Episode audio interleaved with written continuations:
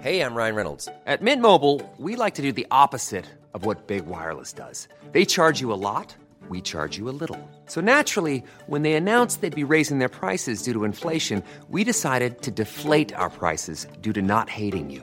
That's right. We're cutting the price of Mint Unlimited from $30 a month to just $15 a month. Give it a try at mintmobile.com slash switch. $45 upfront for three months plus taxes and fees. Promo rate for new customers for limited time. Unlimited more than 40 gigabytes per month. Slows. Full terms at mintmobile.com. Many of us have those stubborn pounds that seem impossible to lose, no matter how good we eat or how hard we work out. My solution is PlushCare. PlushCare is a leading telehealth provider with doctors who are there for you day and night to partner with you in your weight loss journey. They can prescribe FDA-approved weight loss medications like Wagovi and Zepbound for those who qualify. Plus, they accept most insurance plans. To get started, visit plushcare.com slash weight loss. That's plushcare.com slash weight loss.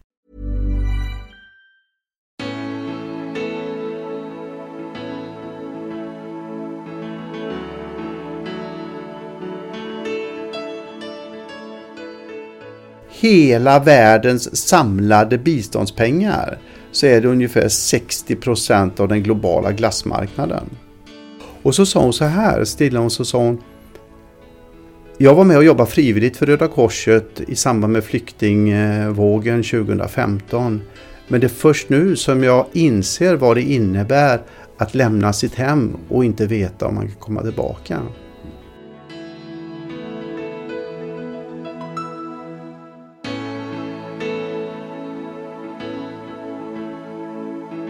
Martin Ernlöv är generalsekreterare på Röda Korset och jag måste säga att någon mer självklar person för ett jobb har jag sällan träffat. Martin lever som han lär. Att exempelvis bo sina fyra första månader i Stockholm på Airbnb i vad man på politikerspråk kallar socioekonomiskt utsatta områden istället för på hotell i centrala stan. Ja, det tycker jag säger allt. Vi pratar givetvis om Röda Korsets roll i världen men också vilka insatser man gör i Sverige och vilken roll man vill spela när det gäller ett humanitärt synsätt på våra samhällsfrågor. Men vi pratar också om helt andra saker, som exempelvis hur papper smakar. Martin Ernlöv, generalsekreterare på Svenska Röda Korset. Välkommen till podden Spännande möte. Tack för det. Eh, du är ju faktiskt den första, första önskegästen i podden. Ehm, det är ju så att eh, du är önskad av Lotta Säfström som är direktor på eh, Göteborgs Stadsmission. Eh, hur känns det att vara önskegäst? Ja, att vara önskad av Lotta Säfström på Göteborgs Stadsmission känns ju alltid bra. Och så. Det, det var ju roligt att höra. Så. Det, det, Lotta och jag känner ju varandra sedan tidigare och jobbat ihop i många sammanhang och så. så att, ja, vad kul! Ja, och Lotta har ju varit med i, som sagt var, i podden eh, tidigare här då. I det här avsnittet så kommer vi ju att eh, naturligtvis prata mycket om Röda Korset och vi kommer att prata om frivilligorganisationerna och vi kommer att prata om deras roll i samhället i Sverige och utomlands. Hur du hamnade här och, och vilka frågor du, du driver och Röda Korset driver. Men innan vi pratar om de här, eh, tycker jag, viktiga spörsmålen så har jag en helt annan liten fråga. Eh, jag tänkte höra med dig, hur smakar tidningspapper? Eh, du tänker på det här att jag i sena tonåren fick äta upp en recension av Niklas Wahlgren som jag skrev. Ja, hur gick det där till? Jo, nej men jag frilansade på i Alingsåstidningen där jag växte upp och lite på radion här i Västsverige när jag var i sena tonåren. Och så hade jag väl, jag hade lite kaxigt recenserat Niklas Wahlgrens första popplatta och som jag tyckte var usel. Och eh, så lovar jag väl någonstans där i artikeln att eh, om han fortfarande kan eh, göra konsertturnéer om ett år så lovar jag att äta upp den där artikeln. Och det kunde han faktiskt. Då har han varit med i min generation så känner vi till den gamla kultfilmen G. Med Magnus Uggla som nattklubbsvärd och, och Niklas Wahlgren som identitetssökande tonåring på något vis. Och han har ju fått genomslag på det där. Och, och då gjorde vi en grej av det så att eh, jag och redaktionen tog kontakt med Niklas Wahlgrens skivbolag och så åkte jag upp till Stockholm. Eh, så gick vi på kändiskrog. Jag tror att han åt någon rökt ålsallad. Eh, va? Och jag fick då den här artikeln på, på en toast med en liten grönsallad och, eh, och en um, vinägrett. och hur smakade den anrättningen? Nej men alltså det, det, är, ju, det är ju pappersmassa, det är ju, det är ju bara att tugga i sig så att säga. Så det, det gick ganska bra faktiskt. Och det var, väldigt, väldigt, det var en väldigt trevlig lunch. Vi är ju jämnåriga och sådär och eh, eh jag tyckte det var jag tyckte det var kul med också den rockbranschen. Jag hade faktiskt ett eget litet managementbolag vid den tiden också med lite lokala rockband. Jag försökte ordna en jazzturné med Putte Wickman, den gamla eh, klarinettisten som jag tack och lov drog mig ur i tid. Jag hade tagit en ände med förskräckelse faktiskt. Varför det? Nej, men de var ju seriösa musiker så. Jag jobbar ju med, med lokala band och skaffar spelningar åt dem och sådär. Så eh, men så fick jag för mig det, hur svårt kan det vara liksom? Det är klart jag måste kunna ordna en jazzturné med Putte Wickman och så letade jag upp hans telefonnummer och började på det där. Men, men eh, ja, jag insåg att det här, det här blev seriöst väldigt snabbt. De vill ha garanterade gager insatta på ett konto och det kan jag förstå i och för sig. Men, eh, ja. Så på den, på den vägen var det. Så att um, jag tyckte det var roligt att träffa Niklas och det var helt okej okay att äta artikeln. Ja, men det hedrar ju dig för att eh, det var ju faktiskt eh, eh, ätit upp eh, dina förlorade vad. Men eh, till skillnad från Annie Lööf då som lovade att äta upp sin eh, högersko eh, om hon skulle hjälpa till att se, eh, se till att eh, Stefan Löfven skulle bli statsminister. Så, och det har hon, eh, vad jag förstått, inte gjort. Ja, vi, får, vi får inspirera Annie Lööf då. Hon kan väl göra en, ett långkok på den där dojan och så får hon göra en grej av det. Och det kommer hon säkert i Skavlan med. Det kommer hon säkert, så det hade nog varit en bra grej. Frågan är om, man, om det är värt att äta upp skon. ja. ja, nej, men... Um, du nämnde att du eh, hade då varit lite frilansjournalist. Vad jag förstår så var det i Alingsås. Det var i Alingsås, ja. Och där, där du kommer ifrån? Ja, jag är småstadskille uppvuxen i en eh, då 45 kilometer norr om Göteborg, i en liten trästad. Det är en fin stad, fantastisk uppväxt på det viset. Eh, du vet den här lilla miljön där man kan cykla vart som helst, man kommer fram överallt och eh, odramatisk på det viset uppväxt med mamma och pappa och lilla syster och, och eh, eh, fotboll och scouter och blåsorkester och sådär. Ja. Vad gjorde mamma och pappa? Pappa var chef på Almedals, ett stort eh, eh textilföretag och eh, mamma jobbade som receptarie på apotek.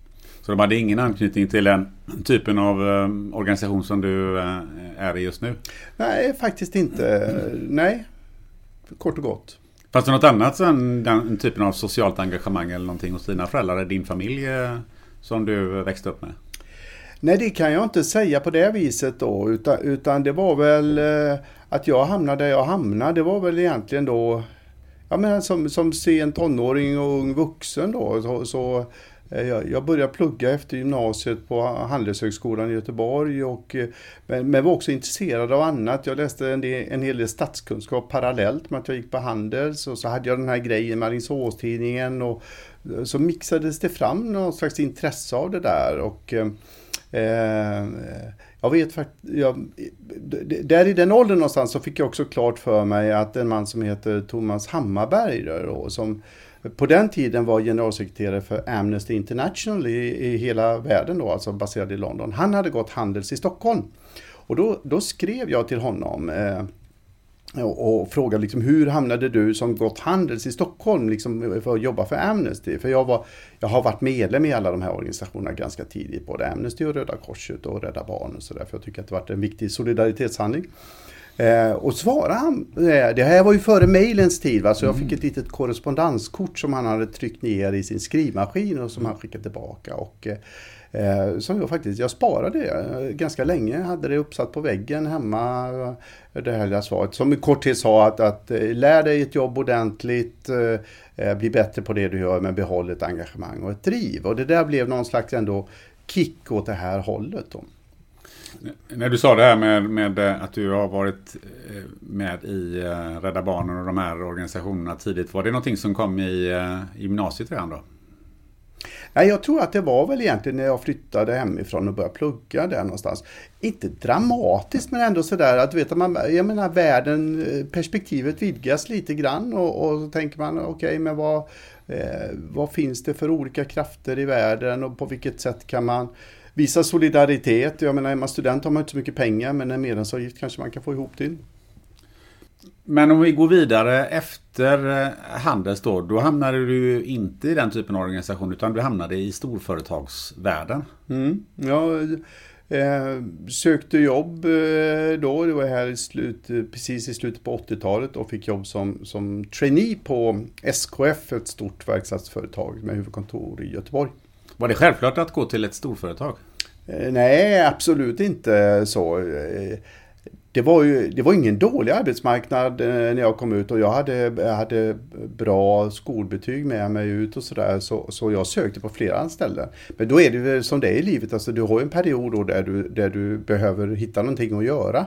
Och det här var, var jättespännande. Det var ju det var en liten kick. Det var också lite coolt faktiskt att få ett traineejobb på SKF på ett stort sånt där och gå in och prova och se, klarar jag det här? Och vad är det för sorts miljö att vara i och sådär. Och jag blev jätteväl mottagen, trivdes fantastiskt bra på SKF. Så. Inom vilket område jobbade du på SKF? Inom ekonomi och finans, redovisning, eh, controlling. Det, det, det var det jag startade upp med. Och sen gick det vidare till eh, fler multinationella bolag?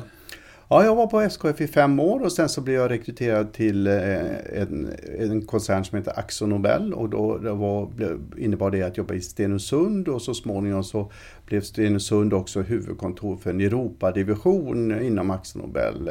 Eh, och där fick jag eh, ansvaret för ekonomi och IT-utvecklingen i en ganska stor sån division. Då. Så, så, och det, det, det fanns att pyssla med. När, när du, hur länge jobbade du på Axo Nobel? Ja, men totalt sett så jobbar jag 15 år då i, i, i SKF och Axel Nobel ihop då kan man säga. Så, så att eh, det är en lång period och jag tyckte det var väldigt roligt. Alltså jag vill, jag vill kanske betona det att jag Eh, jag gillar ju företag och jag gillar ju företagande. Alltså det är ju ändå där som produkter och tjänster som vi bygger vårt samhälle med utvecklas. Det är där vi får grunden för välståndet i samhället. Det är där folk i, huvud, liksom i första läget får jobb som vi sen kan betala skatt för och bygga andra saker. Då, va? Så att jag är ju en varm anhängare av entreprenörskap och produkt och tjänsteutveckling och att det sker på ett bra sätt. Va? Och både SKF och Axel Nobel är ju ansvarskännande företag som, som jobbar med hållbarhet i många dimensioner, anständiga arbetsvillkor och, och jag har trivts jättebra på båda de två arbetsplatserna. Men efter 15 år där så, så, så dök det upp då en, en möjlighet att, att byta spår. Och i mitt liv så, så, så sammanföll det egentligen med att min fru och jag hade fått vårt tredje barn. Jag har tre grabbar, vi har tre grabbar tillsammans. Och eh, där vart det lite grann sådär att, att om man skulle fortsätta jobba i näringslivet och i, inom Axel Nobel och så, då hade vi behövt flytta utomlands. Och det var absolut en, en möjlighet eh, som vi pratade om. Men det hade också inneburit i praktiken att antagligen då eh, Tove som jag är gift med hade Eh, fått ta ett större ansvar för, för barn och hem. Och det är svårt i alla länder utom Sverige och Norge kanske att, att verkligen vara två stycken som är aktivt delaktiga som föräldrar på det viset. Det, det är mycket i Sverige som, som funkar som inte funkar på samma sätt i andra länder. Eh, och, och det, det kändes inte riktigt lockande. Så jag ville vara en del i familjen. Toves jobb eh, är minst lika viktigt för henne som, som mitt är för mig. Vad jobbar hon med? Tove jobbar på bank och jobbar med, med företagskontakter inom Swedbank. Mm. Så att eh, då blev det så att eh, Eh, det dök upp en, en anonymiserad faktiskt annons som sökte efter en ekonomichef till en, det stod Västsveriges största idéburna vård och omsorgsverksamhet. Mm. Och eftersom jag hade haft det här intresset ända sedan jag skickade brevet till Thomas Hammarberg då, att någon gång kanske göra någonting annat, så hade jag ganska bra koll, tyckte jag, på vad det fanns för organisationer som det skulle vara roligt att jobba för eh, någon gång. Ehm, jag hade sökt något jobb på FN och så blev det inte riktigt så av olika anledningar och jag visste ungefär hur, hur, att det fanns stadsmissioner och jag visste var, var eh, Rädda Barnen hade sitt huvudkontor och Röda Korset faktiskt och sådär. Ehm, men det här hade jag aldrig hört talas om och då visade det sig sedan då vara Bräcke diakoni som är en vård och omsorgsstiftelse som finns sedan början av 1900-talet i Göteborg. Så Bräcke är en del av hissingen i Göteborg på samma sätt som Ersta är en del av Södermalm i Stockholm och det finns en stor organisation som heter Ersta diakoni som driver ett sjukhus i Stockholm till exempel. Så det är en sån, en sån nästan hundraårig organisation. Och där började jag jobba. Först som ekonomichef och sedan som eh, direktor VD. Men hur var det att byta från eh, en företagsvärld till en idéburen värld eh, för dig? Eh, det finns, det finns ju en hel del ganska stora skillnader och sen finns det mycket likheter också. Eh, det, det jag tycker det näringslivet har om man jämför med civilsamhället eh, i brett så, så är ju näringslivet är lite snabbare, det är lite rakare, det är lite tydligare fokus. Eh, det blir ofta enklare i en verksamhet om du har ett överordnat fokus att det här måste gå med hyfsad lönsamhet annars har du inget existensberättigande. Eh, och en del av det kan man ta med sig tycker jag in i civilsamhället då. Som å sin sida då är lite rundare, lite mänskligare, eh, mer flerdimensionellt skulle jag säga på sitt sätt. Alltså det finns flera eh, olika målnivåer. Alltså det här med pengar finns ju alltid med i en organisation. Man måste få plus och minus att gå ihop både i sitt privata personliga liv och, och eh, i de organisationer som finns oavsett om det är ett företag eller en kommun eller, eller en, en förening. Då. Eh, och, och de här, i civilsamhället har man många gånger mer komplexa mål, alltså mer sammansatta mål på flera olika nivåer.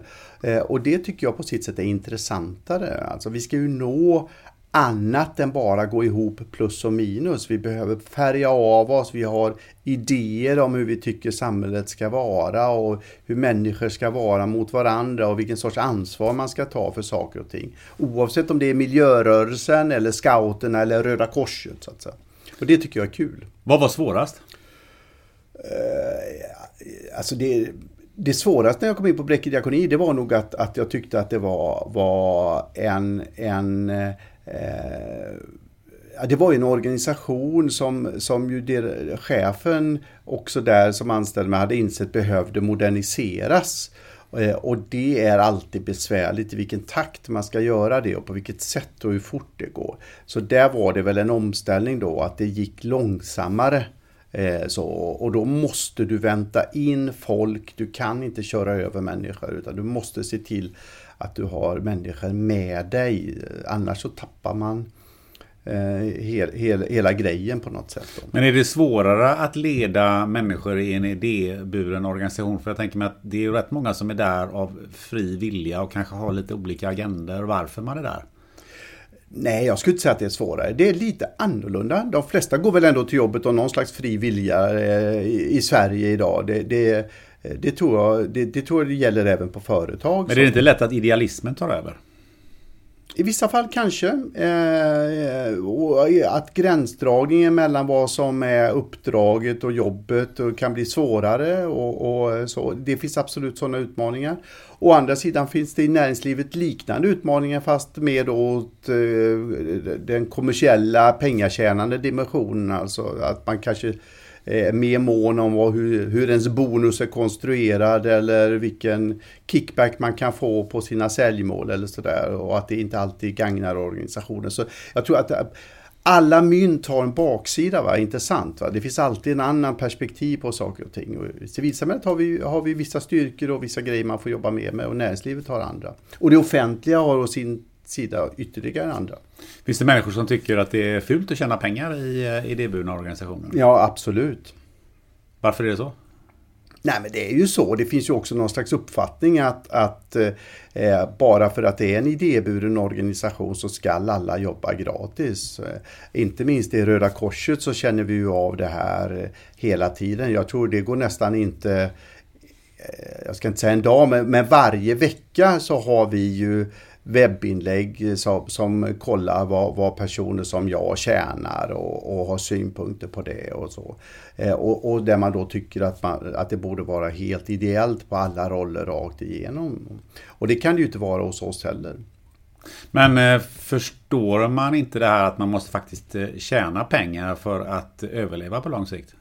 Eh, jo, det förstår man väl kanske på något intellektuellt plan så att säga. Men, men, men eh, alltså vi funkar ju inte riktigt så vi människor. Det är ju väldigt, eh, det är väldigt få som har starka synpunkter på hur mycket pengar Zlatan tjänar som fotbollsspelare. Men det är väldigt många som har synpunkter på vad man har betalt om man är chef på Volvo. Mm, ja, men så kan det ju vara. Du, sen bytte du då till eh, Röda Korset. Mm. Eh, hur hamnade du här? Nej, det var en rekrytering. Röda Korsets eh, dåvarande generalsekreterare hade fått ett annat jobb. Han blev landshövding i Göteborg på kort varsel och, och bestämde sig för att hoppa på det. Eh, och eh, då blev jag tillfrågad om jag ville vara med i den rekryteringsprocessen och, och det tyckte jag var spännande. Och eh, så pågick den under ett antal månader, du vet. Det började med ett stort antal kandidater och så är det några få kvar på slutet och så blev jag tillfrågad och jag tyckte det var kul. Och du har jobbat här i nästan ett år nu? Du, åtta månader, det var nu nio är det kanske. Jag började månadsskiftet mars-april. Ja. Nio, snart, ja. Okej. Okay. Men du är generalsekreterare för Röda Korset och på eh, Bräcke Diakoni så var du direktor och på ett bolag som är VD. Mm. Är det ungefär samma sak? Ja, det är det. det. Terminologin är olika beroende på sammanhanget. Men man kan säga att det, det, det är samma sak.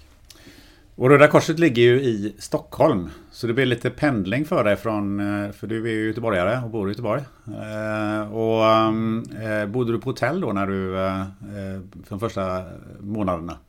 Nej, det gjorde jag inte. Jag, jag, jag bestämde mig faktiskt för att flytta runt och försöka lära känna stan på ett annat sätt då. Så att Eh, Eh, jag bokade in mig, och bodde en vecka i taget eh, via Airbnb, så där man kan, ju, man kan via nätet då boka eh, och bo hemma hos familjer faktiskt då, som hyrde ut ett extra rum. Och då, då valde jag att göra det i eh, några av de här stadsdelarna som vi brukar kalla för socioekonomiskt utsatta områden. Som eh, Rinkeby och Tensta och Fittja och Husby och de här platserna. Eh, och jag tyckte det var, var, det var jättenyttigt eh, eh, att, att vara där. Alltså, eh, jag bodde en vecka i taget hemma hos folk. Ofta var det hos, hos ensamstående kvinnor med något barn som hade tagit tag i och de har ofta bra driv, mycket bättre än oss män tycker jag generellt ofta. Eh, och, och eh, helt enkelt gjort tomt ett rum i lägenheten och fått en del av sin hjälp med lite för, av sin försörjning. Och så bodde jag där och eh, Eh, fick ändå en känsla vad det innebär att vara i de miljöerna och sådär. Och eh, precis som jag kanske någonstans ändå trodde så är ju det precis vanliga liv och precis vanliga tunnelbanestationer och eh, så nästan, nästan, nästan hela tiden. Sen ska man inte heller blunda för att ibland händer det eh, våldsdåd och att det finns en oro, inte minst hos föräldrar som har små barn eller tonårsbarn och sådär. Men, men ja, det var nyttigt. Du lever ju verkligen som du lär. Nej, men, man ska väl inte överdriva det heller. Jag, jag har ju i botten ett privilegierat liv och ett, ett, ett, ett, ett bra arbete och, och, familj och barn på trygga platser och sådär. Men, men jag tycker att det är generellt sett så är det bra att, att försöka skaffa sig så mycket eget intryck som man ändå kan. Va? Även när jag var på, på Bräcke diakoni så, så för, eh, jobbade jag i äldreomsorgen och på vårdcentralsreceptionerna minst fem dagar varje år. Och nu på Röda Korset så har jag varit eh, jag har varit med våra frivilliga ute på, på, på eh, pratat, pratat med eh, narkotikabrottshäktade på häktena, varit på förvar, jag har bott på, på natthärbärge, alltså försöka få ändå en liten känsla för vad det innebär utan att ha någon illusion om att jag därmed har all förståelse. Men man får i alla fall en liten egen bild. Va? Och det tror jag är viktigt va? i alla ledarroller. Att man har, har en, en förståelse för hur ser det här? Hur ser det ut här? Och ofta så är ju våran mediala bild väldigt skruvad åt ett eller andra hållet. Va? Antingen är det överdrivet positivt eller så är det överdrivet negativt. Och då får man ju mer balanserad syn. Det tror jag är nyttigt. Det här låter ju som att man skulle kunna rekommendera väldigt många andra att göra på samma sätt. Även om man inte jobbar på Röda Korset eller i, i den typen av organisation. Nej men jag tror det alltså och, och det är väl, eh, jag vet, jag vet, även när man hade, när våra barn var små och man var med en, en, dag i skolan till exempel så får man ju en väldig respekt för lärarna och lärarnas situation. Va? Eller var med och höll en eftermiddag på dagis, vi hade något barn på kooperativ och sådär. Så, så inser man ju på något vis själv vad den arbetsmiljön innebär Och då i vissa lägen så kan man sänka tonläget men i andra lägen kan man också trycka på och säga nej men så svårt är det inte att göra någonting åt det här. Va? Det, här det här duger inte, det här får vi göra bättre av. Eh, det här kanske är någonting som en del politiker också skulle göra? Ja, eh, det kanske det är. Många gör det också tror jag. Så att, eh, men sen gäller det ju också, jag tror när man gör det här och, och ju mer, eh, alltså ju mer profilerad din roll är, om du, om du är statsminister eller för den delen också om du är generalsekreterare på Röda Korset, så gäller det att snabbt komma ur den rollen. Och, och eh, om man lägger av sig kavajen och, och liksom tar på sig t-shirten och jeansen så tar det ju inte mer än en kvart. Sen är man med. Va? Eh, I vården på samma sätt byter du om eh, och, och har på dig liksom blå t-shirt och blåa bomullsbrallor. Ja, då tar, det, då tar det en halvtimme, sen så står du där och får tömma diskmaskinen för det behöver göras. Och då är man snabbt igång. Så, så att det gäller att komma ur den här eh, förfabricerade rolluppfattningen som ju folk kanske har när man möter den då. Vad är det viktigaste som du tar med dig från de här månaderna när du, när du bodde ute i de här förorterna? Eh, att, att eh, Ja, egentligen två saker. Det första tror jag redan har sagt, alltså att, att det är vanliga liv och vanliga människor och mycket större blandning av personer än vad eh, den mediala bilden ger intryck av. Jag menar, jag har bott förstås hos alla sorters människor som har haft det initiativet att hyra ut ett av sina rum i lägenheten. Eh, det andra är också att, att det är en ganska stor skillnad på det, det sociala livet. Alltså områdena dör när barnen går in ifrån lekplatserna. Det, det var ett väldigt tydligt intryck. Alltså det, det, finns ingenting att göra, ingenstans att vara efter det att liksom barnen har slutat leka ute på gården. Det, det, det hade jag inte riktigt eh, fattat. Tillbaka till Röda Korset. Eh, kan du berätta lite i korthet, tre minuter. Vad är Röda Korset? Eh, vad gör Röda Korset? Jag tror att det finns många som eh, eh har uppfattningen om att Röda Korset är de som är ute i de här krigshärjade områden och that's it. Ja, och, och det är ju en sann bild också. Röda Korset är världens främsta katastroforganisation och, och hjälper till i, i både i, i, naturkatastrofområden snabbt och också i konfliktområden då där det är krig och, och långvarig, långvariga konflikter. Då. Så det är ju en sann bild. Då. I Sverige så tar det sig kanske eh, främst uttryck i att, att eh, vi gjorde stora insatser när det var skogsbränder förra sommaren till exempel. Alltså mobilisera jättemycket frivilliga som hjälper till då med att få saker och ting på plats. Vi hade stora insatser vid terrordåden i, i Stockholm 2017. Eh, Vad gjorde ni då? Ja, hjälpte, tog hand om folk, upprättade mötesplatser, eh, kaffe och termosfilt, någon att prata med, hjälpte folk att få kontakt med, med sina nära och kära Eh, och snabbt ute och snabbt på plats. Då. Så, så det är vi i Sverige också, även om Sverige som land är, är ju mer förskonat från många katastrof och krigszoner än vad andra, är, eh, andra länder är. Då. Den svenska verksamheten i övrigt är också klassiska Röda Korset-verksamheter. Vi, vi besöker fängslade, vi, vi eh, tar hand om och möter och behandlar krigsskadade och tortyrskadade personer. Eh, vi finns i, i, mycket kring integrationsaktiviteter, träna svenska och, och, och, och sociala aktiviteter, arbetsträningsaktiviteter. Vi, eh, vi driver second hand-butiker över hela Sverige. Eh, ett stort mått av sådana. Vi möter ensamma människor, vi hjälper till på sjukhus med frivilliga, hjälper folk att hitta rätt. Så det bygger ju på frivillighet och på lokalt engagerade Röda Kors personer. Så, att, så vi finns över hela Sverige med det här frivilliga, humanitära, politiskt och religiöst obundna engagemanget. Hur är Röda Korset finansierat? Eh, ungefär hälften insamling, ungefär hälften eh, bidrag och eh, olika medel från Sida till exempel, från stiftelser, eh, en del från kommuner och landsting för olika uppdrag som vi gör. Varför har Röda Korset eh, en miljard i eh, fonder och, och eh, pengar som man förvaltar? Mm. Det är en buffert kan man säga och är man en insamlingsorganisation så finns det en riktlinje från Eh, FRI, vårt kontrollorgan, som säger att det är bra att ha ungefär en årsomsättning på banken om man har möjlighet att ha det. Det är ju inte alla som har det. Och, och sen länge, länge, länge tillbaka så har Röda Korset fått stora donationer och har det som ett buffertkapital. Sen använder vi inte kapitalet utan vi använder avkastningen på kapitalet för att finansiera de insatser som vi gör. Då. Så det ligger där som en säkerhetskudde. Så det är, ni omsätter en miljard per år? Ja, om man lägger ihop alla kretsar och högskola som vi driver och den centralt eh, koordinerade verksamheten så ligger det på, på 900 miljoner ungefär. Eh, du har ju sagt att du vill att Röda Korset ska ta i och bli en starkare röst i Sverige och i världen. Eh, vad tänker du på då?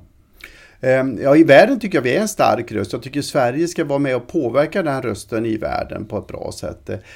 Nej, men jag tycker så här va, att jag, tog, jag tror att, att eh, organisationer som Röda Korset har ett viktigt uppdrag i Sverige där, där eh, vi idag är ganska polariserade. Att merparten av det vi gör i samhället görs av offentliga organisationer, kommuner, landsting och stat. Va? Och sen har vi den privata företagssektorn.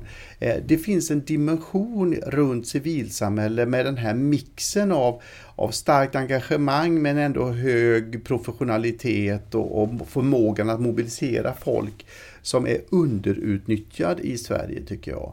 Och eh, jag tror det svenska samhället skulle må bra av att den här sektorn tog ett steg fram och då tror jag också att Röda Korset har en roll i det. För Röda Korset är en känd och välrespekterad organisation.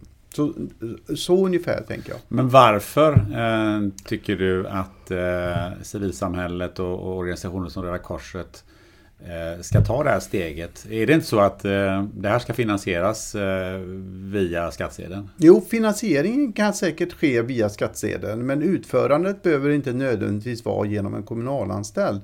Och det jag tänker då det är väl lite grann så här att, att, att i Sverige så har vi ju vant oss vid ett ett välfärdssamhälle som, som ska täcka allt i alla situationer. Och, och, det är så Sverige under efterkrigstiden, under om man säger socialdemokratins blomstringsålder med nya reformer, utbyggd välfärd. Det är så det har sett ut. Va?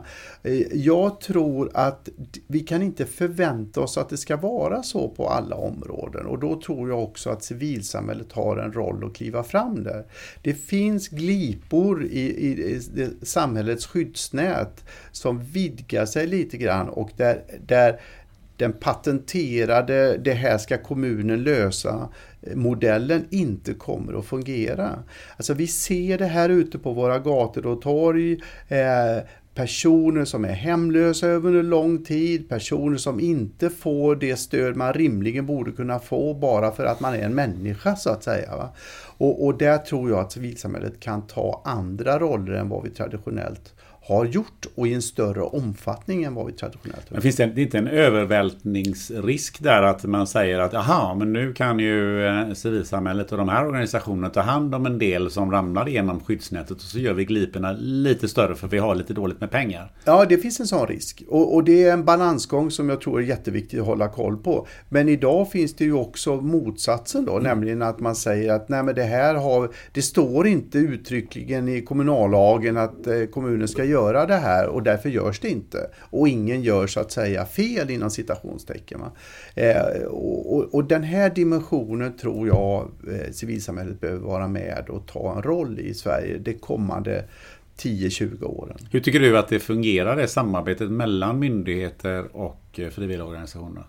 Eh, jag tycker att på många ställen funkar det bra. Det som inte funkar i Sverige det är just möjligheten att ge finansiellt stöd från det offentliga till civilsamhället. Det är under all kritik faktiskt. Eh, det, vi kan stapla exempel på krystade upphandlingar av skyddsboenden för kvinnor till exempel eh, som, som blir helt bizarra eller där, där organisationers decennielånga erfarenhet av, av att jobba med, med ett område inte tillmäts någon betydelse om det ska göras avtal mellan samhället och organisationerna utan att nystartade kommersiella företag som skriver rappare texter helt enkelt får uppdraget. Och där är, där är vi alldeles för tekniska i Sverige, är min uppfattning. Alltså jag tycker det är ganska starkt att det är så. Hur, vad gör man åt sånt? Ja, eh, i Sverige så måste det ändras i den nationella politiken och eh, Sverige har en tradition av att tillsätta utredningar och det görs ju eh, inom det här området. Och just nu så, så jobbar man på en utredning som ska titta på förutsättningarna till exempel kring något som kallas för idéburet offentligt partnerskap. Eh, och det är en spännande modell men eh, också en modell som idag skapar osäkerhet hos många politiker och tjänstemän om den får finnas eller inte. Men förstår man inte riktigt riktigt eh, frivilligorganisationernas styrka och uppbyggnad? Det beror det på att man inte har satt sig in i det här eller beror det på att man kanske från de organisationerna inte varit tillräckligt duktig på att eh, profilera sig? För företag är ju ganska duktiga på att profilera sig som du säger. Man skriver lite schyssta texter och det är någon som gör någonting på en reklambyrå kanske.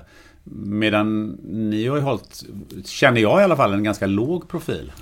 Alltså båda, det du säger är säkert sant. Det är säkert så att, att civilsamhället skulle kunna göra mer. Va? Det, det håller jag med om. Eh, och det är också så att företag är duktiga och kvicka och rappa och, och ska ha all cred av det.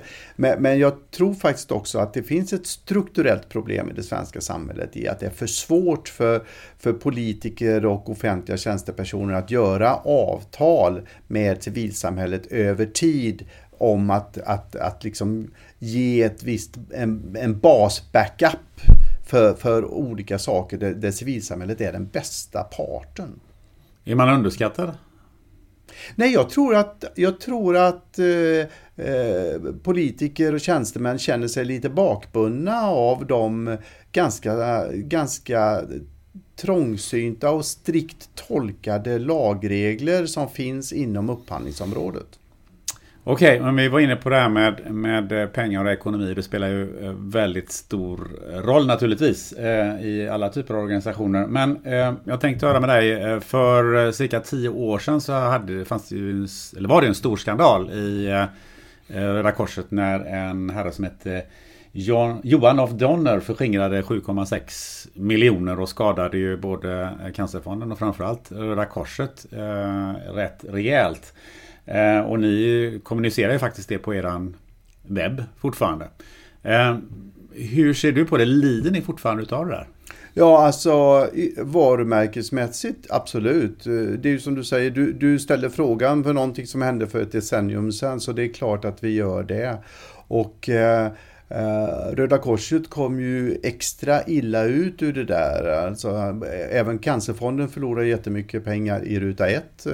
Eh, Röda Korset också. Sen har Röda Korset fått tillbaka alla de här pengarna för vi hade försäkringar och det har blivit skadestånd och, och eh, den här kriminella bedragaren fick ju ett långt, långt, långt, långt fängelsestraff faktiskt kring det här. Och, och men vi lider fortfarande av det här. Ja, för att eh, jag såg en undersökning för tre år sedan och då var det eh, Röda Korset det särklass minst, eh, om, den särklass minst omtyckta välgörenhetsorganisationen. Det var 24 procent tror jag som svarade att man inte gillade varumärket. Ehm, det har bättrat sig sen där, får jag väl skjuta in Det får vi hoppas. Ja. Men hur känner du? Vad, vad känner du i den här, när det gäller den här frågan? Hur jobbar du för att förbättra varumärkets anseende eh, Eh, under din ledning. It's that time of the year. Your vacation is coming up.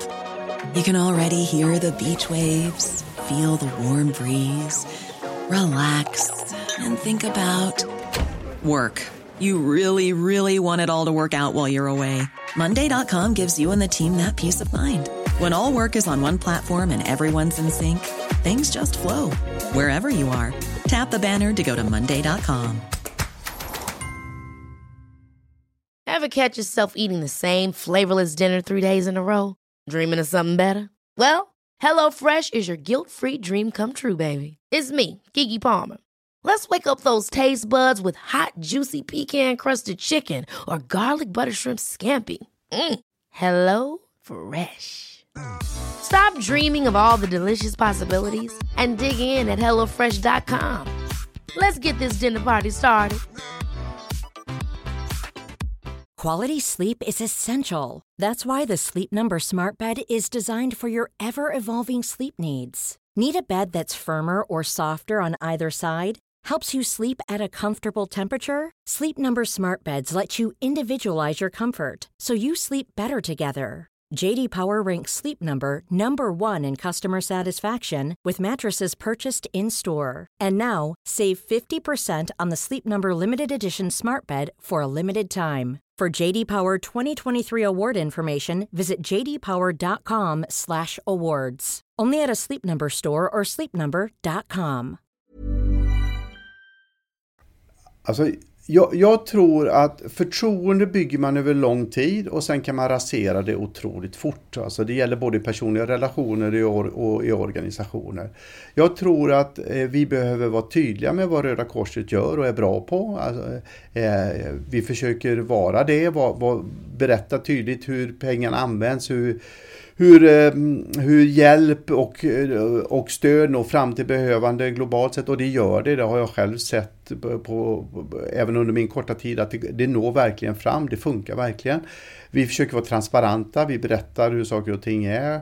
Eh, och sen är vi en stor organisation och vi är heller inte ofelbara och det är klart att har man någon gång råkat ut för, för en sån här sak i den omfattningen som Röda Korset gjorde då för tio år sedan så är det ju också, eh, då är man sårbar för om någonting eh, skulle hända igen eller sådär. Så att vi, vi jobbar med, med att konsekvent och tydligt jobba vidare med de grejerna som är våran roll och, och vårat uppdrag i världen. Och, för du säger ju att ni är i förtroendebranschen, tror jag har läst mig till någonstans. Eh, varför är just det här förtroendet så oerhört, oerhört viktigt för er? Ja, men alltså vi ber ju folk dels om deras tid, alltså kom och var frivillig hos oss, engagera dig personligen i att hjälpa människor genom oss som organisation. Då ber man om deras tid och vi ber om deras pengar. Eh, vi behöver just din hundralapp varje månad för att kunna hjälpa och vaccinera ungar eh, i, i, i Sydsudan eller bekämpa e, eh, ebola i Demokratiska republiken Kongo eller, eller få fram mat efter tsunamin i Indonesien. Vi behöver dina pengar till det. Och då om någon gång så är man ju verkligen i förtroendebranschen. Om man ber om folks frivilliga tid och man ber om deras pengar, då måste de ju känna ett förtroende för att det här har en betydelse. Och då är jag en viktig person, är, är alla våra tjänstepersoner, alla våra frivilliga, alla våra frivilligledare, varje enskild individ som agerar i Röda Korsets namn gör ju det med hela organisationens identitet i sina händer. För det finns väl också en konkurrens kan man ju säga mellan eh, de här eh, organisationerna. Eh, och hur ser du på det? För de, man tävlar ju lite om samma penningpott. Jag tänker faktiskt inte så. Jag, jag tycker mer att vi tävlar om den penningpott som inte finns än. Alltså fortfarande är det ju så att, att om du tittar på hela världens samlade biståndspengar så är det ungefär 60% av den globala glassmarknaden. Oj, det var en intressant jämförelse. Ja, så att, att eh, det finns ju resurser både hos oss som privatpersoner eh, och eh, generellt sett i samhället som inte går till humanitära aktiviteter idag. Och, och, och då tycker inte jag Alltså, vi kan inte se det som ett problem om det går bra för Läkare Utan Gränser. Det är väl jättebra så att säga. Sen är det ju förstås i mitt jobb kul om det går bra för Röda Korset också. Va? Och, och, och jag tänker fortsätta jobba för det. Men, men, men jag tycker inte, i, i, ruta ett är, är det inte en konkurrenssituation. I ruta ett jobbar vi alla för en medmänskligare värld med en större humanitärt inslag. Eh, det känns ju som att du har åstadkommit rätt mycket på de här eh, 8-9 månaderna som du sa. För du har ju varit med och gjort en överenskommelse med Kriminalvården om att Röda Korset ska få besöka häktade. Du har, gjort, eh, du har jobbat för, att, för skollagen eh, och att man ska skicka hem ensamkommande ungdomar. Framförallt, framförallt Afghanistan. Du har gjort en hel del debattinlägg när det gäller familjeåterföreningar och mängder av andra debattartiklar. Du har gjort en längre utlandsresa i Afrika. Eh, du har varit uppe bland eh, i, samband i somras då med eh, skogsbränderna. Känner du dig nöjd med de här första månaderna på Röda Korset? Alltså du, du, du formulerar det som att jag har gjort allt detta och det är ju riktigt att jag har varit inblandad i det här men, men det är ju Röda Korset som organisation och alla personer i, i det som, som har eh, jobbat med de här sakerna. Nej men jag är, jag är nöjd med vad, eh, i huvudsak med vad Röda Korset åstadkommer. Jag tycker vi gör fantastiskt mycket bra saker och, och att det, så på det viset är jag absolut nöjd. Sen, sen, så tror jag att vi kan göra mer och vi kan få fler frivilliga och vi kan kanalisera ännu mer engagemang än vad vi lyckats göra idag. Så där tror jag att vi behöver ta ett par steg till faktiskt så, och underlätta för det. Men, men det har varit ett spännande, en spännande period hittills och, och exemplen du radar upp visar väl också lite grann på bredden just i, i Röda Korsets verksamheter då. Att, att det är allt ifrån eh, att bygga stora tältläger för brandmän i skogen eh, utanför för Ljusdal till, till att, att hälsa på en, en eh, narkotiska misstänkt som har suttit häktad i sju månader med restriktioner och inte får läsa vare sig media eller, eller eh, träffa vem han vill eller sådär. Alltså det spänner verkligen det fältet. Så. Och debattopinion förstås, där vi tycker ibland att, att på humanitära grunder att Sverige kan vara på fel spår. Eh, några av de här punkterna tänkte jag ta upp här. Bland annat så har ju eh, du och ni då engagerat er i eh, eh, flyktingmottagandet och både när det gäller återförening och eh, när det gäller då som jag nämnde att eh, de som kom som flyktingar som ensamkommande barn skulle gå kvar i skolan. Eh, jag funderar lite på allmänt sett. Hur ser du på det som skedde 2015-2016 eh, med den stora flyktingvågen eh, som, som kom in eh, bland annat i Sverige då. Hur tycker du att vi hanterade det? Alltså Sverige som samhälle generellt sett, ja man måste bara säga fantastiskt bra då. Va? Det, det var ju enormt mycket människor på enormt kort tid och, och hur, hur Sverige slöt upp runt det där eh, för att hantera den situationen. Jag, jag tycker bara det väcker all respekt. Det, det, det måste vara det absolut övergripande. Folk hjälpte till med att ta emot, myndigheter jobbade nattpass, kommuner öppnade eh, stängda skolor. Eh, vi, vi försökte använda hela Sveriges resurser, det gick bussar för att plocka upp folk och så. Och sen, sen så var det förstås en, en, en, en ohållbar situation att det skulle kunna fortsätta med så många nya människor hela tiden. Eh, det, det, var ju inte genomförbart i längden heller, men, men generellt sett så tycker jag att, att, Sverige har hanterat det väldigt, väldigt, väldigt bra. Men hur sätter du det i relation till de länderna som tar emot enormt mycket fler flyktingar och som ju har en eh, ekonomisk nivå som ju inte är närheten av Sverige. Så jag tänker till exempel på Libanon, ett litet land eh, norr om Israel som tar, har tagit emot eh, nästan två miljoner tror jag från, från Syrien och de har ju varken ekonomi eller landyta som, som ligger i närheten av Sveriges. Det känns ändå som att det var en ganska liten rännil som då plötsligt anlände i Sverige jämfört med de siffrorna. Så är det va och då får man ju också jämföra, eh, om du tar den parallellen så, så behöver man ju också jämföra på vilket sätt eh, lever då personerna i de flyktinglägren. Alltså där är det ju inte tal om att försöka få, eh, få de människorna etablerade i det lokala samhället utan där lever man ju i avgränsade flyktingläger där den stora utmaningen är ju att få folk att överleva på drägliga sätt och att, att inte alla blir jättesjuka och att man får mat och förnödenheter och, och inte fryser ihjäl eller, eller regnar bort så att säga. Eh, och, och, du har helt rätt att, att eh, eh länderna kring Syrien och, och, ehm, eh, och, inte minst Turkiet då tar ju ett enormt stort ansvar för det och det finns på ett antal ställen runt över i världen idag sådana områden. I Sverige eh, där har ju mer utmaningen varit och den dröjer sig ju kvar. Va? Det har ju varit att, att vi försöker integrera de här eh, Eh, nya svenskarna och nyanlända personerna in i det svenska sättet att leva i ett samhälle. Eh, och, det är ju en annan sorts utmaning delvis och det, den brottas vi ju med fortfarande. Och där tror jag Sverige kanske eh, inte lyckats jättebra i alla delar.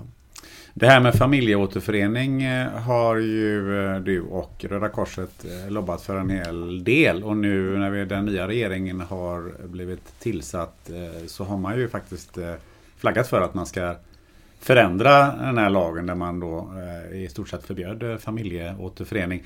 Varför är familjeåterförening så viktigt? Ja, av humanitära skäl då. Alltså att, att om, om om vi blir separerade ifrån de som är oss allra närmast så är det en dimension som, som tar över det mesta annat i livet. Alltså det går Eh, det är bara att gå till sig själv. Alltså om du skulle bli av med en eller ett par av dina allra närmaste så är det ju ingenting annat som nästan blir överordnat. Det är svårt att fungera på ett vettigt sätt som människa. Om vi då från svensk sida då vill att man ska lära sig ett nytt språk, man ska komma i utbildning, man ska få ett arbete. Eh, dessutom så ska man skaffa sig hög inkomst relativt sett faktiskt och en stor bostad innan man eventuellt eventuellt skulle kunna komma i fråga för att få förenas med sina... Det är inte humanitärt eh, rimligt så. Eh, och det har vi påtalat ifrån Röda Korsets sida att, att de humanitära konsekvenserna av att, att den, den, den begränsning i familjeåterföreningen som infördes då med den tillfälliga utlänningslagen, det tycker vi var orimligt. Och därför känns det bra att, eh, att eh, nu den nya regeringen har åtagit sig att ändra på det. En annan fråga som ju har varit eh, på tapeten eh, ganska länge det var ju den här eh, skollagen att då barnen skulle få gå kvar i skolan tills de var 18 år. I gymnasiet det rörde sig framförallt från pojkar från Afghanistan. Du har sett det som att inte anta den lagen om uppehållstillstånd som eh, ovärdigt. Det vore ovärdigt att göra det. Vad var den viktigaste punkten där? Egentligen på samma sätt då eh, av, av, humanitära skäl. Vi, eh, vi menade från Röda Korsets sida då att de här, ung, de här personerna som hade kommit till Sverige som barn, eh, alltså 15-16 år gamla, eh, och som på grund av långa handläggningstider eh, hos våra myndigheter hunnit fylla 18 år och Sverige under tiden ändrat reglerna. Då var det inte rimligt att de inte skulle få en chans att fullfölja sina utbildningar. Om de hade möjlighet och rätt att komma in på gymnasieskola eller komvux eller folkhögskola, då borde de rimligen få den möjligheten av humanitära skäl så att säga. Eh, och det gick vi ut tydligt och sa. Ni fick ju en del eh, mothugg där. Eh, bland annat läste jag någon som eh, skrev, Johan Ingerö från tankesmedjan Timbro som hade rubriken Nu visar vi världen att Sverige ger med sig. Hur ser du på en sån kommentar? Nej, men eh, han, det var ju många debattörer som tyckte annorlunda. Det, jag vet att det är många i svenska folket som tycker annorlunda och, och som eh, vill markera på olika sätt och vis. Och, och det är väl en del av, av samhällspolitiken. Eh, för Röda Korset och för mig personligen så, så var det här eh, ett ganska tydligt eh, case ändå där de humanitära skälen behöver väga tyngre. Det är inte rimligt att, att Sverige skickar iväg de här personerna eh, på, på det viset eh, som, som eh, hade blivit konsekvensen annars när man varit så länge i Sverige och inte har någonting annat att komma tillbaka till. Det här visar ju rätt mycket på ett eh, väldigt polariserat debattklimat som finns i många andra frågor också. Mm. Hur eh, hanterar ni på Röda Korset och du den typen av debatt som pågår där man antingen står för någonting som är nej vi ska inte och sen så står man på andra sidan med en ganska humanitär eh, sida och det finns ju den här debatten rasar ju Eh, framförallt på de här eh, områdena. Hur, hur håller ni så att säga kompassnålen där? Ja, för oss är ju, eh, är ju den humanitära grunden det som är kompassnålen och vi är ju politiskt och religiöst obundna. Sen, sen innebär ju inte att vara partipolitiskt inne, obunden innebär ju inte att man är åsiktsfri och politik innebär ju också att man tycker att samhället behöver ha vissa eh, komponenter för att fungera som ett humanitärt samhälle och Sverige har förbundit sig att agera på ett visst sätt i olika konventionsåtaganden och så. Och då tycker vi att, att då får vi trycka på det. Från tid till annan så kan det sammanfalla med det ena eller det andra partiets politik. Och, men vi kan inte eh, blunda för det heller så att säga, utan vi måste titta på det här utifrån ett, ett humanitärt perspektiv. Det är Röda Korsets uppdrag och det ska vi fortsätta göra. Ibland kallar man ju Sverige för en humanitär stormakt. Och vi eh, ju, slår ju oss själva gärna lite för bröst, på bröstet för att vi, att vi är det och att vi är ett föregångsland. Eh, tycker du att vi är det? Jag, jag, tycker när man säger så, så, så blir, får man ju snabbt en dålig smak i munnen på sitt sätt. Va? Alltså jag tycker det, det ger ju någon slags eh, eh självgodhet eh, kring själva begreppet så. Men jag tycker att Sverige har en viktig roll att spela i världen. Alltså jag, Sverige har kommit långt vad det gäller Eh, genus, mångfald, rättvisa, vi har en stabil demokrati, vi, vi, har ett, ett, vi har stora resurser i vårt samhälle, vi har fått leva i fred i, i över 200 år. Alltså då faller det också ett ansvar på Sverige och svenskar och svenska organisationer att, att verka för det här på fler platser. Vi har något bra att säga, vi har något att bidra med. Och på det viset så tycker jag att vi ska ta en en roll som kanske är, är, är större än vad vi proportionellt borde göra med tanke på att vi är en liten nation i en stor värld så att säga. Alltså jag tycker att Sverige ska agera i sådana här frågor och jag tycker Röda Korset ska agera i Sverige men också svenska Röda Korset agera i, i Röda Korsrörelsen i världen. Eh, när jag intervjuade Lotta Sävström då som är direktor på Göteborgs eh, Stadsmission angående tiggeridebatten Eh, så sa hon så här. Vi har ju aldrig haft några problem att skicka pengar till långt bort i stan för att hjälpa fattiga länder att borra brunnar och så vidare.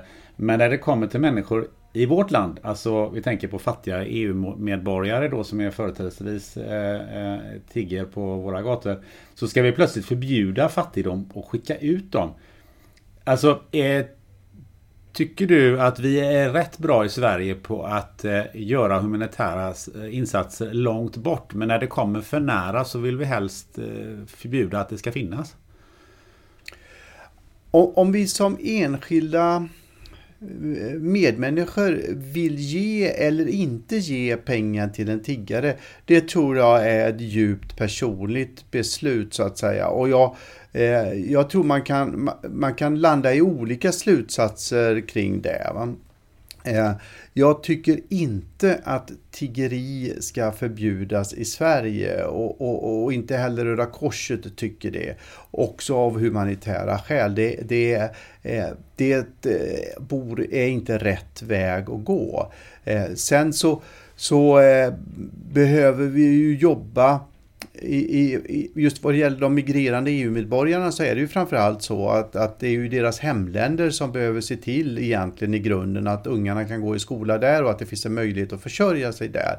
Eh, och där finns det fortfarande stora utmaningar också inom EU då. Men är det lite, finns det en tendens i, i Sverige att vi eh, när vi inte ser fattigdomen mer än på TV eller krig på TV så, så är det lättare att ge. Men när den kryper nära inpå på våra gator så har vi det lite jobbigare. Men det är väl så med alla saker som är, som är starka känslor. Va? Alltså på något vis om, om, om eh, om, om, om eh, 75 personer drunknar i Victoriasjön i, i Afrika så är det inte lika starkt som om, om, om 10 personer skulle drunkna mellan Helsingborg och Helsingör. Alltså det, vi, vi tar ju till oss mer det som ligger närmast oss. Och då eh, även sådana saker som att folk tigger. Om det plötsligt händer vid, vid vår livsmedelsbutik, då, då är det klart, då blir man väldigt påminn om det. Precis som andra saker. Jag tycker det, det är ganska mänskligt att reagera så på något vis.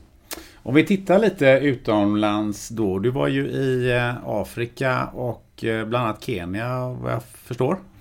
Eh, men Röda Korset har varit i Sydsudan och jag har eh, också varit i nu Palestina eh, precis före jul och jag har också varit och hälsat på hos Kenias Röda Kors i Nairobi. Och då var du förbi eh, Makimei eh, barnhem Stämmer det? Ja, i, i Nairobi ja. Ett, ett litet eh, barnhem som drivs av, av eh, ett par fantastiska eldsjälar, kvinnor. Ja. Som ju faktiskt eh, har blivit till en väldigt liten, liten del blivit sponsrade av den här podden och lyssnarna till den här podden. Ja, det är kul. jag, jag kunde till och med göra en liten insats där så jag levererade eh, mjölkersättningsmedel för bebisarna som de tar hand om eh, i samband med att jag åkte dit. Så att, eh, Nej, men det är väl också en sån här sak där, som ju visar på Alltså hur olika samhällen faktiskt är. Det, det, när man hör och sitter där och, och, på ett barnhem i, i, Nairobi eller när man diskuterar med personer som inte kan gå till skolan i Ramallah på grund av blocker, blockader och så. Då inser man ju hur vardagslivet ser helt, helt, helt annorlunda ut i andra länder. Och, och eh, vi lever i en otroligt privilegierad del av världen, eh, vi som är i Sverige. Så är det ju. Många frågar sig då, kommer pengarna fram? Ja, det gör de. Alltså det, det ja, när jag, om jag ger ett exempel. Då, när jag var i Sydsudan med Röda Korset så är ju det ett land då som har jättetuffa utmaningar och, och som också då faktiskt har en, en UD-rekommendation att åka överhuvudtaget inte dit. Och det gör ju Röda Korset då. Så Röda Korset finns ju på plats i Sydsudan och hjälper till både med mat och eh, läkemedelsdistribution ut i landet och, och, och, med ett stort antal humanitära insatser. Och en, en av de sakerna som jag besökte då var ett fältsjukhus som ligger då ja, inne i ett, i ett instabilt område och där även om det formellt sett nu är fred i Sydsudan så finns det fortfarande ganska stora milisgrupper som, och det finns alldeles för mycket vapen och, och, och det finns otillräckligt med jobb och sådär. Och, och eh, där ute så, så, har Röda Korset ett, ett, en liten operationsklinik som tar hand om skottskador från de här eh, konflikterna som fortfarande blossar upp. Eh, personer flygs in, hämtas dit, eh, opereras, får mediciner och, och, kan så småningom återvända ut. Och, och det här eh, det är helt fantastiskt faktiskt att vara med om det. Man blir stolt och, och, och glad när man ser att det här fungerar hela vägen ut. Men hur kändes det att, eh, att åka till ett sånt område? Var du, var du själv lite nervös för, för din egen del? Nej, det var jag inte. Utan, utan eh, vi, vi, det finns ju, finns ju stora liksom bedömningsinsatser som görs både innan man åker och hur man åker när man är där och på vilket sätt man är där. Eh, det finns ju länder dit Röda Korset kanske inte skickar någon personal alls för att det är osäkert, eller vi behöver ta hem den internationella personalen. Men nationellt finns ju Röda Korset alltid kvar. Va? Det glömmer man ju ibland. Va? Alltså de mm. frivilliga i landet och den egna föreningen i landet som ju finns en Röda Korset eller Röda Halvmåneförening i varje land i stort sett. Då, de är ju alltid kvar. Va?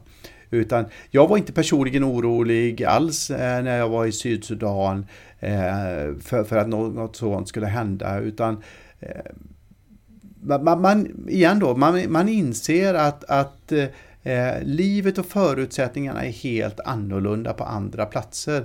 Och, och kan vi bidra ifrån vårt rika land och med, med kompetenser från, från oss för att, att hjälpa till på det så är det en bra sak. Men i Ramallah så hamnade du ju faktiskt nästan i skottlinjen. Ja, också eh, vilket ju bisarrt nog är vardag i Ramallah. Jag var där för, för att hälsa på våra kollegor som, som finns där och, eh, och då inträffade en sån här säkerhetsincident precis medan vi var där och eh, där det hade varit eh, då ett antal eh, incidenter med, med skottlossning under de föregående dagarna och där helt plötsligt mitt i natten en, en en stor israelisk insats på ett 50-tal pansarfordon och 300 soldater blockerade det kontoret där jag bodde i. Och det faktiskt det sprängdes ett hus med, där, där, där eh, som militären gick in och sprängde bara 150 meter från, från mitt hotellrum. Då. Men sen kunde du åka därifrån i en eh, vit eh, jeep. Hur känns det när man eh, som ger sig av därifrån som ändå väldigt skyddad medborgare? Ja men precis så som du, som du egentligen antyder. Va? Det, det är ju en bizarr situation. Jag kan göra det för jag har det här jobbet jag har och det är viktigt för Röda Korset att se till att jag kommer ut därifrån också. Va? Eh, alla människor som bor där för dem är ju det här vardag. Det här händer dussintals gånger varje år och den djupa, djupa, djupa misstron och konflikten mellan eh, Eh, Israel och Palestina eh, är ju, måste ju lösas politiskt så att säga och det finns få förhoppningar att göra det. Och det speglar ju också en annan del av, av hur världen är idag. Alltså att de här konfliktsituationerna tenderar ju att bli så långt utdragna i åratal så pågår den här sortens låsningar. Och de, de som främst betalar priset, vad det, det är ju personer som du och jag, alltså vanliga människor som lever sitt vanliga liv på de här platserna och som inte eh, får en möjlighet att göra det. Och det, det hot och, och, och osäkerhet, eh, avstängd el, brist på mat och mediciner, eh, och ingen tillgång till vatten när det är som värst. Så att säga. Det, är, det, det, det blir ju deras liv. Eh, Hans Rosling har ju skrivit en bok som heter Factfulness. Eh, där han ju faktiskt visar att eh, världen har blivit både en och två smulor bättre under de senaste tio åren. Ehm, upplever du det på samma sätt eller upplever ni det på Röda Korset att det faktiskt totalt sett har situationen för en större massa människor blivit bättre? Ja, det har den blivit. Alltså det, det, Hans Roslings fakta är ju, stämmer ju och det har den blivit. Samtidigt så är det ju så att Eh, det har aldrig varit så många människor på flykt som det är just nu. Alltså senast eh, som eh, de senaste siffrorna från strax före jul här där, FN-organet UNHCR gör bedömningar pratar om 68,5 miljon människor som alltså har upplevt sin hemsituation så stark att fly därifrån känns som den minst dåliga lösningen. Eh, och, och, och, det är ju också sant, alltså att eh, det har aldrig varit så många människor som, som lever på det viset som det är nu. Och jag var med om en, en, ganska stark berättelse i somras faktiskt. När, när det brann i skogen då utanför Ljusdal så, så fick jag möjlighet att träffa eh, en av de personer, ett 20-tal personer, ett 20-tal familjer evakuerades från sina hem där. Och så, så fick vi ett litet förtroligt samtal och, och den här kvinnan hon visade hon, hon, visade mig sin mobiltelefon och frågade om jag ville se filmen från, från hur det såg ut där det, precis när de blev e- evakuerade. Och det ville jag förstås gärna och hon visade den här eh, släktgården som de hade haft i 12 generationer. En fantastisk sån här eh, träbyggnad i två våningar och hon berättade om deras härbre och som de hade utanför eh, ett par kilometer bort i skogen. Och så sa hon så här, stilla hon så sa hon jag var med och jobbade frivilligt för Röda Korset i samband med flyktingvågen 2015. Men det är först nu som jag inser vad det innebär att lämna sitt hem mm. och inte veta om man kan komma tillbaka. Mm. Och i all sin enkelhet så blir ju det en berättelse för alla de här 68,5 miljonerna människorna. Så att om du är så förtvivlad att du känner att jag måste bara ta mina närmaste och pick och pack och, och, och försvinna härifrån. För det är så stark oro och hotbild runt det som är. Det är också sant, så att även om Rosling säger att världen har blivit bättre så har den också eh, svårigheter som kanske aldrig har varit större i vissa dimensioner än vad de är nu. Hur ser eh, du då på framtiden eh, i eh, världen? Vad tror du och vad, vad, känner du? Kommer det här att fortsätta? Kommer vi ha ännu fler flyktingar om 5-10 år? Eller hur, vad tror du? Ja, jag tror att vi kommer att ha fler flyktingar om 5-10 år, inte minst av miljöskäl. Va? Alltså att, att eh, eh, klimatförändringarna kommer ju att påverka levnadsförhållandena för, för enormt många människor. Och, och där verkar vi ju dessvärre inte göra tillräckligt mycket tillräckligt snabbt. Då. Eh, så det tror jag att vi, att vi kommer att få. Samtidigt är jag, jag är ingen dysterkvist. Då. Jag är en väldigt optimistisk person och mänsklig, jag har stark tilltro till mänsklighetens förmåga att också hitta lösningar och arbeta aktivt för att hitta nya lösningar på det. Så, så att eh, eh jag svarar väl egentligen ja på frågan att jag tror att det kommer bli fler flyktingar men också med en optimistisk ton att jag hoppas och tror att det går att verka för att det här eh, hanteras på ett, ett bättre sätt. Är då en av de allra största eh, problemen och den största orsaken till de här konflikterna att det finns så mycket vapen i omlopp? Nej men det är väl en mix av olika saker. Va? Att ibland är, är ju vapen en, en, en, en, fråga, ibland är det miljö, ibland är det kultur och religion, ibland är det politik. Alltså orsakshärdarna varierar ju beroende på var någonstans du är i världen. Så det, det är en mix av olika saker. Men tillgängligheten på vapen måste ju ändå göra att man lättare kan gripa till vapen. Ja, och framförallt så, så är det klart att det är många av, av eh, många av områdena där folk känner att de kan bli ihjälskjutna eller där människor med våld och med vapenvåld tilltvingar sig ägodelar och våldtar och skövlar och bränner. Så det är förstås fruktansvärt. Alltså det, det, det är klart att det är en stark dimension. Det är dags att avrunda det här som jag tycker är mycket, mycket intressanta samtal. Så jag tänkte fråga dig, eh, hur eh, känner du att det här har varit? Jag tycker det var roligt. Det var kul att prata och eh, du ställer bra frågor. Och tycker vi har pratat om spännande saker om Röda Korset som organisation, om civilsamhällets möjligheter och situationen i världen. Ett privilegium att prata om det. Jag brinner mycket för det. Ja, tack ska du ha för det. Um, nu kommer jag ställa en fråga till dig som eh, du kanske inte är förberedd på. Men om du skulle vilja intervjua någon. Eh, vem skulle du vilja sätta i din stol? Ska det vara någon i Göteborgsområdet eller någon Nej, i Sverige? Det kan vara precis vem som helst i världen. Men då, då, då skulle jag faktiskt eh, Eh, vilja att du intervjuade Jan Eliasson faktiskt. Som jag tycker har ett eh, unikt perspektiv med sitt, sitt långa humanitära arbete och sen kommit tillbaka hem till Sverige och fått en liten, liten distans men ändå är en aktiv kommentator kring vad, vad som sker och inte sker i Sverige idag.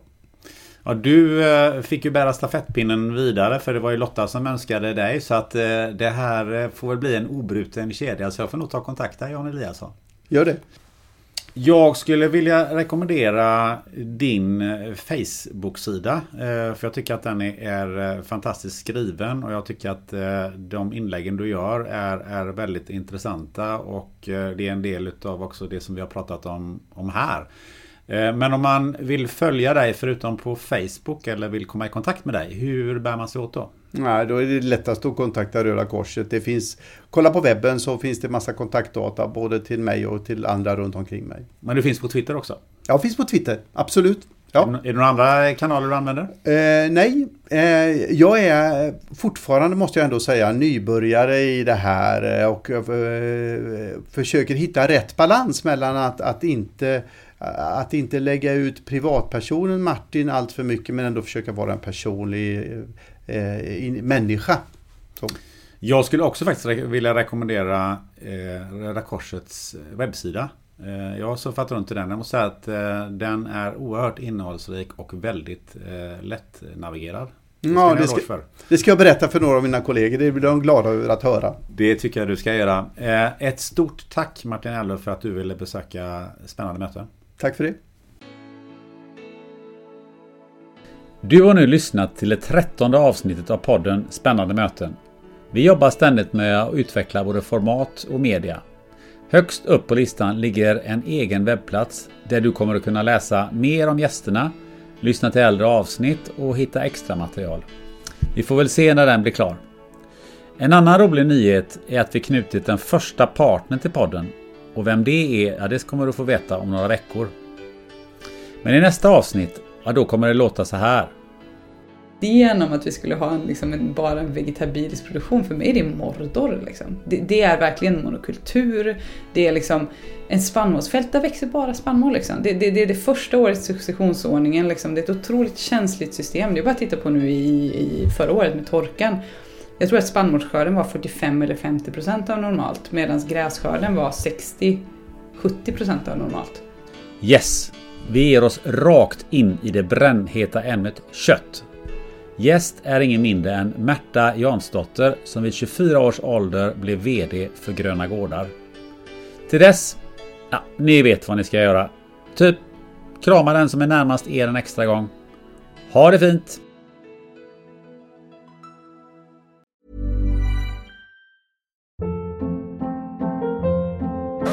Hold up. What was that? Boring. No flavor. That was as bad as those leftovers you ate all week. Kiki Palmer here, and it's time to say hello to something fresh and guilt-free. Hello Fresh. Jazz up dinner with pecan-crusted chicken or garlic butter shrimp scampi. Now that's music to my mouth. Hello Fresh. Let's get this dinner party started. Discover all the delicious possibilities at hellofresh.com. Even when we're on a budget, we still deserve nice things. Quince is a place to scoop up stunning high-end goods for 50 to 80% less than similar brands. They have buttery soft cashmere sweaters starting at $50, luxurious Italian leather bags, and so much more. Plus, Quince only works with factories that use safe, ethical, and responsible manufacturing. Get the high-end goods you'll love without the high price tag with Quince. Go to quince.com/style for free shipping and 365-day returns.